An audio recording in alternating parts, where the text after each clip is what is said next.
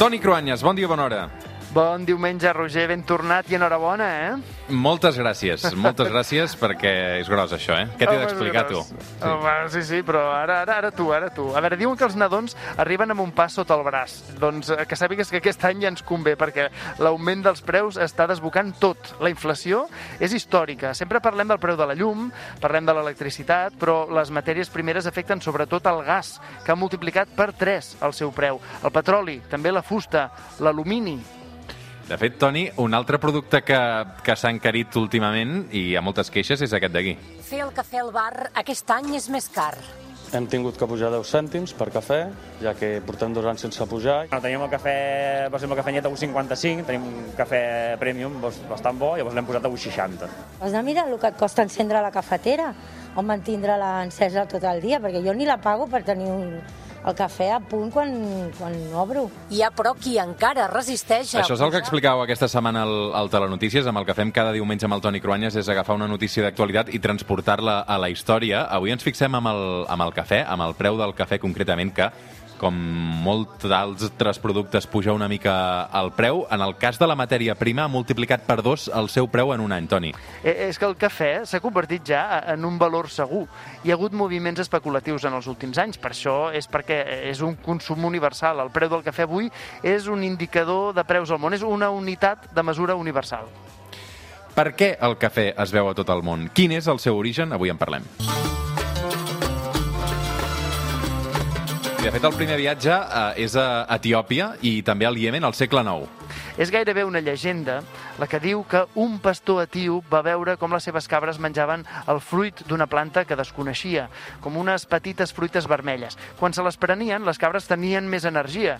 Això va fer que ell també les provés i notés l'efecte tonificant que tenien. Va portar aquests grans de cafè a un monestir musulmà perquè ho provessin. El gust era molt desagradable, així que van llançar els grans al foc. I va ser llavors quan, amb l'aroma dels grans de cafè ja torrat, van descobrir-ne l'olor, que els va encantar, i així se'ls va acudir de torrar els grans i després fer-ne un beuratge, que amb el temps seria l'actual cafè.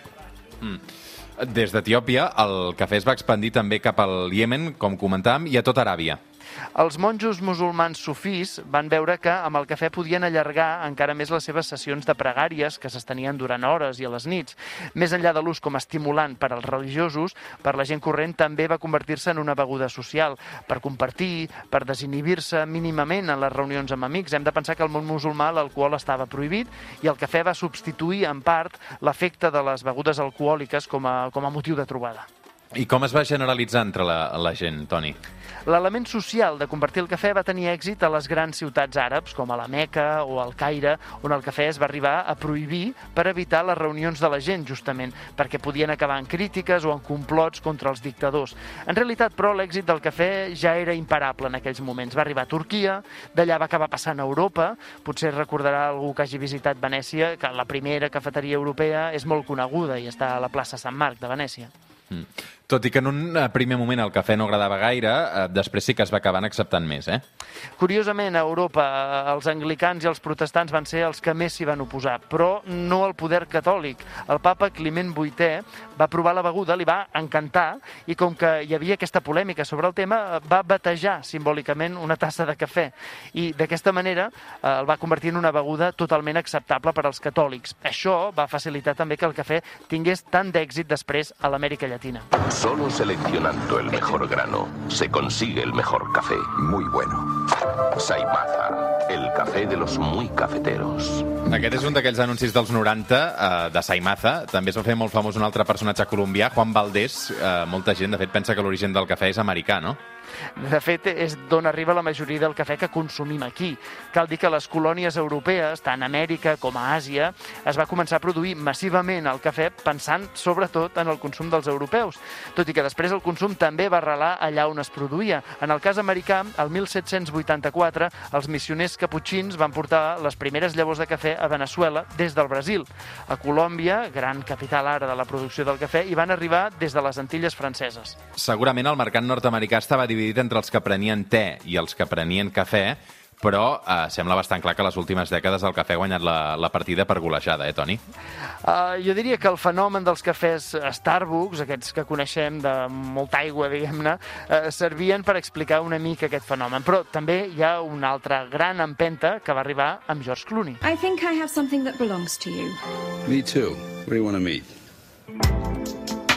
George Clooney, que, de fet, ara he vist que l'anunci també el fa Brad Pitt, anunciant cafès, i crec que és de la mateixa marca. Vull dir que És el mateix, sí, han sí. tallat Evoluc- pel mateix patró, sí, sí. evoluciona la marca, però mm, la idea és una mica aquest cafè que ja és uh, més sofisticat que el que dèiem abans de l'Starbucks. Mira, ara entenem L'espresso, cafè- no? L'espresso, Sí. segurament. Sí, sí, sí. Uh, mira, ara uh, l'entenem com el cafè dels que realment agrada el gust fort, els bons cafeters, no? Uh, però la veritat és que l'origen té a veure mm, més aviat a la manera ràpida de poder fer el procés de preparació.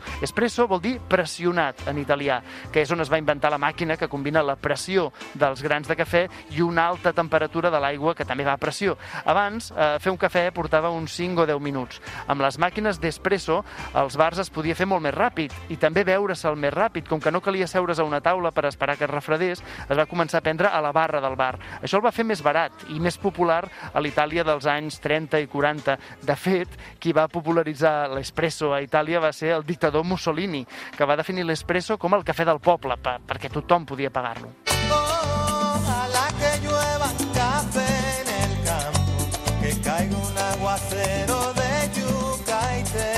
Avui un clàssic per arribar a les 9 del matí, Juan Luis Guerra. Uh, a més el cafè és allò que sempre genera controvèrsies. Crec que era Zapatero, no?, que li van preguntar quan costa un cafè avui. Era, era, Zapatero? Em, em Sí, sona. i, i no ho va saber, es va equivocar. Crec que va dir fer- de 50 cèntimos, i clar, tothom, i no, no costava 50 cèntims. Però sí, sí, vull dir que el preu del cafè. Toni, bon diumenge, parlem. Bo, bon diumenge, fins la setmana Per que cert, a- enhorabona per la part que et toca, també, perquè d'això en parlarem d'aquí uns quants dies, eh? ve. Moltes gràcies, Roger.